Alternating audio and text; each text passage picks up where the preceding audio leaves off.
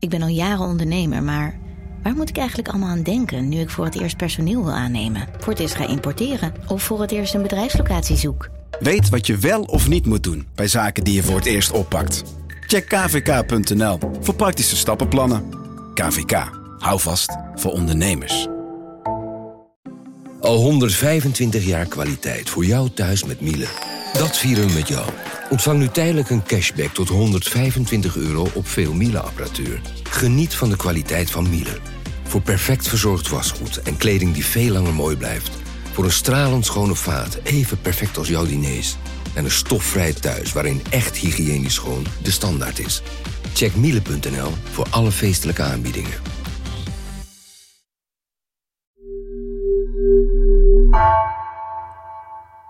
Voordat we beginnen wil ik je alvast hele fijne feestdagen wensen.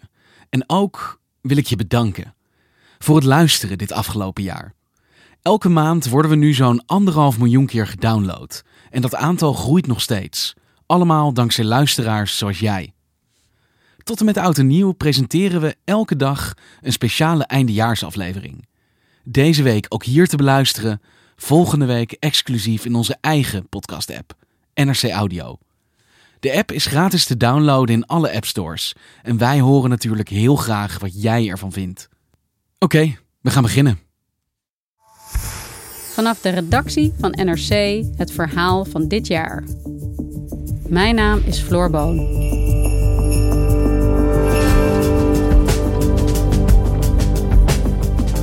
Maria Lucius, Jan Lucius, Cor Koppens, Harry Ophij, Dora Ophij, Leo Steensma, Jan Spiering, Sam Ramadanovic. Acht namen. Acht van de meer dan 10.000 mensen die dit jaar stierven aan corona. Binnenlandredacteur Kim Bos sprak met hun nabestaanden. Wie waren deze mensen? En hoe ga je ermee om als je geliefde aan corona sterft?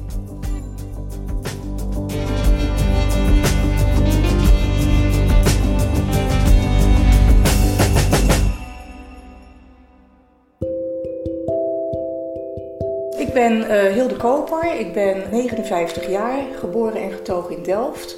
Ik ben sinds 22 april mijn man verloren, Leo Steensma. 12 jaar zijn we samen geweest. Enorm veel gereisd, dat was onze beide hobby. Uh, heel veel van de wereld gezien. We deden meestal één uitgebreide lange reis door een land of door een bepaald gebied. En daarnaast meestal nog één of twee weken zo all-inclusive in een uh, fantastisch hotel van niks hoeft en alles mag. Het was niet iemand op een feestje die vooraan stond. Integendeel, hij ging altijd in een hoekje zitten en zei van joh, ga jij je maar vermaken, ik amuseer me wel. En hij zat gewoon mensen te bestuderen en te kijken hoe die zich amuseerden. Een van zijn grootste passies was om vogels te fotograferen. En dan kon hij echt zo mooi uh, een libelle fotograferen op een gegeven moment ook. Maar ook een kolibrie. En dan zag je eigenlijk op die foto's die vleugeltjes bij wijze van spreken nog bewegen. Daar ging hij helemaal op in. Het weekend van 29 februari op 1 maart had ik een hotelletje geboekt in Tilburg. Want Leo was 28 februari jarig. En uh, meestal met zijn verjaardag boekte ik een lang weekendje weg. Dus wij zijn naar, het theater gegaan en hebben door Tilburg gelopen. Niet wetende dat een week later uh, vanwege de carnaval daar dus de eerste besmettingen in Nederland uh, zouden zijn. Maar op dat moment was er eigenlijk gewoon helemaal nog niks aan de hand. En 13 maart is hij thuis gaan werken. En vervolgens, uh, aan het eind van die eerste week, voelde hij zich niet heel erg lekker. Uiteindelijk is hij de derde week van maart zo ontzettend ziek geworden dat ik de huisarts heb gebeld. Uh, onderwijl, ja, voor zover we nog televisie keken, uh, ook wel gekeken van god wat erg, maar eigenlijk nooit gerealiseerd dat het eigenlijk uh, bij ons op de voordeur gebeurde. Ik heb er gemeld bij de EHBO, de, de spoedeisende hulp, gezegd dat ik mijn man kwam brengen.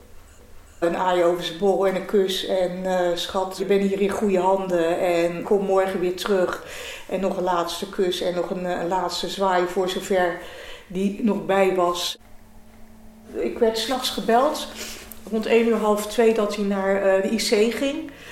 En het beleid op de IC was sowieso dat er geen bezoek mocht komen. Dus ik belde drie keer per dag naar het ziekenhuis. S morgens als ik wakker werd, tussen de middag zo'n beetje en rond een uur of acht. Buiten het feit dat ik hem drie keer via Skype heb gezien en hem ook heb toegesproken en wel zag dat zijn ogen bewogen, ondanks dat hij ze niet open deed. Dat is eigenlijk het enige wat ik in die vier weken uh, zeg maar aan contact met hem heb proberen te krijgen. En uiteindelijk werd ik op woensdagochtend gebeld door de arts dat um, ze hadden alles geanalyseerd, ze hadden alles uh, gekeken en um, ze gingen de beademing uitzetten en hij zou gaan sterven. Half acht is hij overleden. En dan zit je dus vanaf vier uur s met z'n drieën in beschermende kleding in een kamertje zonder iets. Nou ja, weet je, dan krijg je een enorme, althans ik kreeg enorme hoofdpijn. Ja, en je kan niks.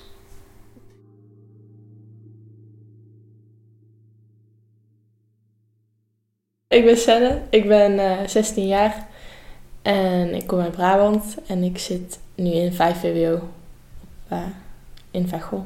Ik ben in het voorjaar, of helemaal in het begin van de coronacrisis eigenlijk, ben ik een van mijn oma en twee opa's verloren aan, uh, aan corona. Mijn oma heet Dora en mijn opa heet Harry en eentje heet Cor. En Dora en Harry zijn allebei 85 geworden. En opa... Mama? 78. Opa Harry was er gewoon bijna altijd voor de voetbalclub. Als er iets was of zo, dan was opa de eerste die ze belde, zeg maar. Als er iets uh, geregeld moest worden. En oma, dat was, nou ja, dat was misschien meer in de familie zo. Maar als er een keer iets kapot was of zo, of er moest weer iets gemaakt worden. Dan uh, ging je even op en neer naar oma en dan was het zo gemaakt. Broeken, truien. Opa Cor, die woont dan in Saita, dat is een dorpje verderop. Uh, maar ook daar was hij echt in heel het dorp bekend. Hij was meer van de ponyclub en de paarden en zo. Dat deel ik wel met hem. Opa werd ziek op het voetbalveld. Die is daar toen onwel geworden en daar is toen de ambulance voor gebeld. Toen was hij naar het ziekenhuis en toen mocht hij naar huis. Het was nog zo onbekend dat het nog helemaal niet gelijk duidelijk was dat het om corona ging. En toen ging hij dus naar huis, of toen mocht hij naar huis. Toen ging het toch niet goed, toen hadden ze de dokter gebeld, of het ziekenhuis. Ambulance. De ambulance. En die kwam toen eigenlijk voor opa. En toen kwamen ze daar en toen zagen ze gelijk dat ook mijn oma echt niet goed ging. Dus die hebben ze toen ook meegenomen. Papa en mama hebben altijd in het ziekenhuis gezeten eigenlijk de meeste tijd. Maar wij mochten er niet bij. Op 14 maart was ik daar ook heen gegaan omdat het kreeg te horen dat het helemaal niet goed ging met oma. Dus toen zijn we daar naartoe gegaan en toen hebben we daar met de hele familie mogen wachten. Want wij waren een van de eerste daar. Toen kon dan dat nog in ieder geval. En toen de dag erna, s'avonds, is uh, op 15 maart, is, is oma dus overleden. En toen de dag erna werden we weer opgehaald, want het ging ook niet goed met opa. Dus toen hebben we weer in het ziekenhuis mogen wachten. En toen was die dus op 17 maart dus overleden. Op 23 maart waren dus mijn opa en oma, Harry en Dora waren dus begraven. En na de begrafenis gingen we met de familie hier zitten. En toen waren we eigenlijk gewoon een beetje aan het praten. En toen kreeg mama ineens een telefoontje dat opa ziek was. Dus gelijk zit je weer helemaal in een hoge stressmodus van... Je bent er nog lang niet klaar mee, zeg maar. Die is toen dus naar de intensive care gegaan. En daar heeft hij toen twee weken gelegen. Het ging niet per se beter, maar ook niet slechter. En niet slechter is altijd goed.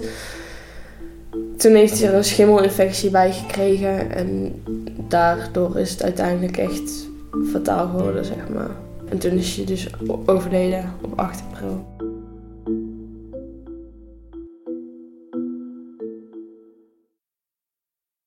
Ik ben uh, Judith Spierings, ik ben 38 jaar jong en ik woon in het mooie Vorstenbos waar we flink wel voor de kiezen hebben gehad in de coronatijd.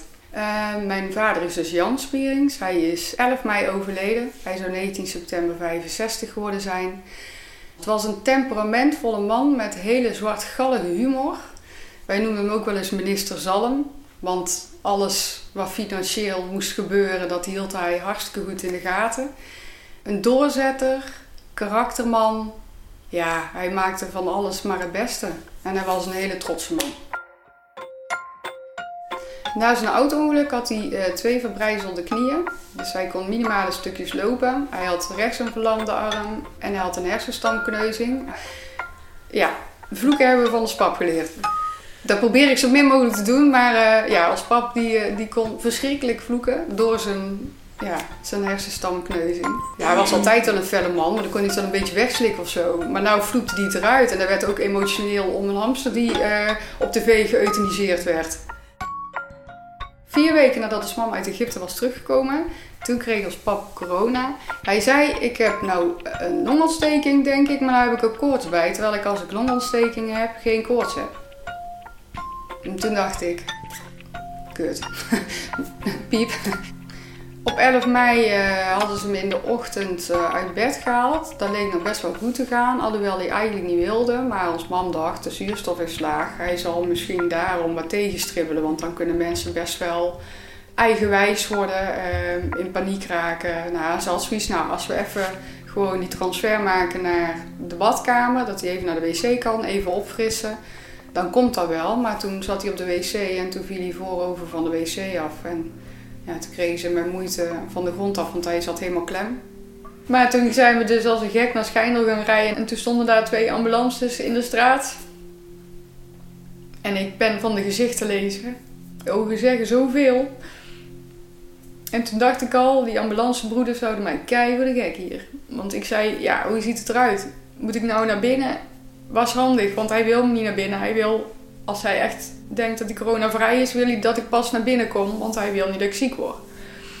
Nee, hij is stabiel. Dus ik heb toen de keuze gemaakt om niet naar binnen te gaan.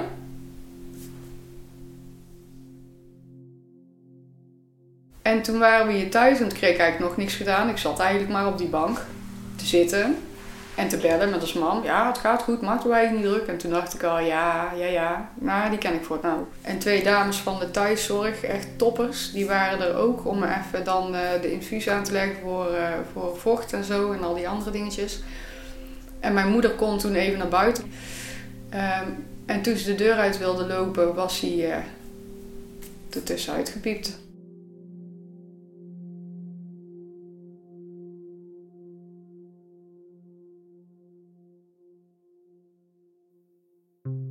Ik ben Anna Ramadanovic en ik ben mijn moeder, oom en broer verloren in bijna één week tijd in de eerste coronagolf.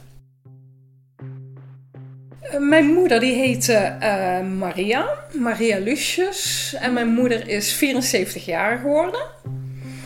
Uh, mijn broer heette Sam Ramadanovic en hij is 43 jaar geworden.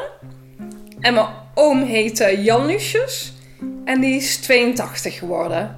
De muziek uh, uh, typeerde mijn broer wel. Het, het dorpsleven in uh, Vorstenbos. Zijn gezin, absoluut. Zijn vrouw en zijn drie prachtige dochters. Nederlandstalig muziek vond hij wel mooi. De fanfaremuziek, wat hij zelf bespeelde. Ome Jan was iemand best wel op zichzelf. Daar hield hij ook van, hè, om zelf thuis aan te rommelen. Maar hij uh, heeft ook heel erg lang voor mijn oma, voor zijn moeder, gezorgd. Hij is altijd alleen geweest. Uh, geen kinderen, geen vrouw. Een zorgzaam type, ja, eigenlijk een hele lieve man. Mijn moeder werkte uh, niet toen wij nog klein waren, dus die was echt thuis voor ons. Het kon ook wel pittig zijn dat ze, als ze af en toe ergens niet mee eens was, bijvoorbeeld met een bedrijf, wat, iets wat niet klopt of zo, dan hoorde ik haar bellen met het bedrijf. En dan ging ze echt best wel tegenin. En dat vond ik altijd wel heel, heel stoer van haar. Uh, ze liet zich niet zomaar ompraten. Van ja, nee, dat is niet zo. En gewoon echt met, de, met de vuist uh, op tafel. Het vermoeden is dat mijn broer besmet is geraakt door misschien het carnavalsgebeuren, uh, het werk. Ja, want hij was veel onderweg, hij kwam op veel plekken. Mijn oom die kwam natuurlijk bijna dagelijks bij mijn moeder. En mijn broer kwam heel vaak bij mijn moeder. Dus het kan best zijn dat mijn broer al besmet was, naar mijn moeder kwam. Die is besmet geraakt. En ook mijn oom daardoor. Mijn moeder had het heel benauwd toen. Ik heb toen uh, echt de huisarts weer gebeld. Die heeft de ambulance gestuurd. En bij mijn, bij mijn broer ging het dus schijnbaar ook niet goed. Hij was ook heel erg benauwd. En mijn schoonzus heeft voor hem ongeveer tegelijkertijd de ambulance gebeld. Dus eerst werd mijn broer opgehaald en daarna kwam er een uh, auto voor mijn uh, moeder. Ik was in eerste instantie, toen mijn uh, moeder nog in het ziekenhuis lag, echt met haar bezig. Omdat ik ook in de volste overtuiging was dat mijn broer wel na een paar weken weer wakker zou worden.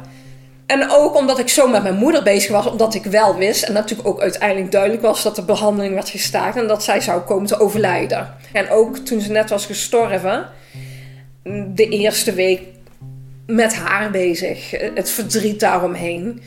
Nog steeds in een soort roes, omdat het zo snel is gegaan. Er komt een virus en zij wordt direct erin meegenomen. En daarna hoor je dat je oom ook in het ziekenhuis ligt in Nijmegen. En dat hij twee dagen daarna na mijn moeder ook is overleden. Je kunt het niet bevatten, dus uh, je bent nog niet echt actief aan het rouwen. De uitvaart was er van mijn moeder en mijn oom natuurlijk heel emotioneel. Erehaag en alles ook gehad. Toen was dat afgelopen. Ben ik hier naar huis gegaan, nog gewoon mijn zwarte jurk en jasje aan. Um, gewoon even tot rust komen, het besef, even rust, want je bent ook moe gewoon. En dan word je gebeld van, nou ja, nee, uh, het spijt ons heel erg, maar jouw broer gaat het echt niet redden. De medicijnen slaan echt niet aan. Um, hij heeft de uh, volste zuurstofpercentage nodig, de volle 100% van de machine. Als, als het apparaat er niet is, kan hij, dit kan hij niet overleven je zult toch echt afscheid moeten gaan nemen.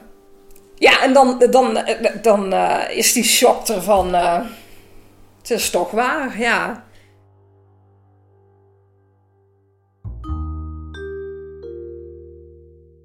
Ik heb inmiddels, uh, ik zes uitnodigingen voor eerste en tweede kerstdag. En iedereen zegt, jij gaat niet alleen zitten. Ik zeg, ja, maar als ik nou alleen wil zitten, ja, dat maakt niet uit. Je gaat niet alleen zitten, dan ga je maar s'nachts alleen zitten. Maar, dus uh, iedereen uh, is er voor mij. Maar af en toe als iemand een bepaalde vraag stelt, ja, dan schiet ik ineens vol. Maar dat is ook niet erg, want ik heb inmiddels de leeftijd dat het me niet meer interesseert. En ik roep steeds van, je krijgt ontzettend mooie ogen van het huilen. Dus ik heb fantastische mooie ogen aan het eind van dit jaar. Bij de meeste mensen, als iemand overlijdt, dan heb je daar in de maanden daarna gelijk ja, dat je daar heel erg emotioneel en verdrietig over bent. En daardoor verwerk je het. En dat je er met mensen over gaat praten. En dat gewoon... Maar bij mij was het, moest ik zo snel door in alles. En zeg maar, het ging van opa en oma, ging naar opa. Toen was het online school, maar daar had ik genoeg bij te doen. En ik moest wel, want het, genoeg dingen telden mee. En ik moest gewoon door, zeg maar. En dan raak je zo in overlevingsstand dat ik nog helemaal geen tijd had om het te verwerken. En daardoor merkte ik dat ik na de zomervakantie, dat ik eigenlijk toen pas de effecten zag van. En als ik er dan zeg maar op terugkijk, dat ik dan denk van ja, maar wat, wat in hemelsnaam heb ik nou eigenlijk meegemaakt? En dat ik nou pas de klappen ervan krijg, zeg maar. Dit is gewoon geen normale rouw. Elke dag lees je weer van die suffe commentaren op Facebook van die mensen die dan zeggen: ja, we moeten hier de economie, voor stilstaan. En ja, als mensen doodgaan, ja, die merken dan toch niks meer van. En uh, ja, dan kunnen wij gewoon door. En ik, ja, maar ik niet. Ik zie ook wel mensen met, met kortere lontjes. Begrijpelijk aan de ene kant. Maar dat maakt het af en toe extra frustrerend. Dat ik denk van, probeer te genieten van de dingen die er nog wel zijn. De kleine dingetjes. Echt juist die kleine, simpele dingen als een lach van je eigen kind of van andere kinderen, zoals in mijn werk. Daar geniet ik zo intens van. Wat mijn moeder mij heeft nagelaten. Eh, het genieten van een plant, een slak bij wijze van. Die kleine dingen. Um, daar kun je echt zo van genieten. En het leven is zo betrekkelijk. Dat kan zo weg zijn. 2020 is voor mij best wel gewoon een kutjaar geweest. Maar ik ben langzaam weer op weg om gewoon het beste van te maken. En ik heb ook heel veel mooie momenten meegemaakt. Maar ik hoop in ieder geval dat 2021 iets beter wordt. Dat zal niet zo heel moeilijk zijn. dus dat komt vanzelf wel goed.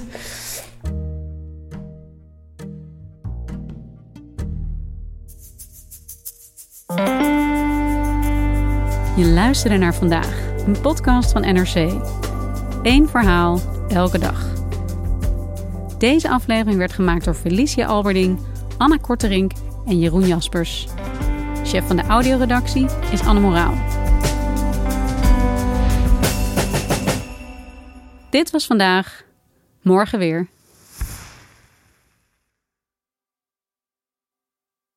Technologie lijkt tegenwoordig het antwoord op iedere uitdaging.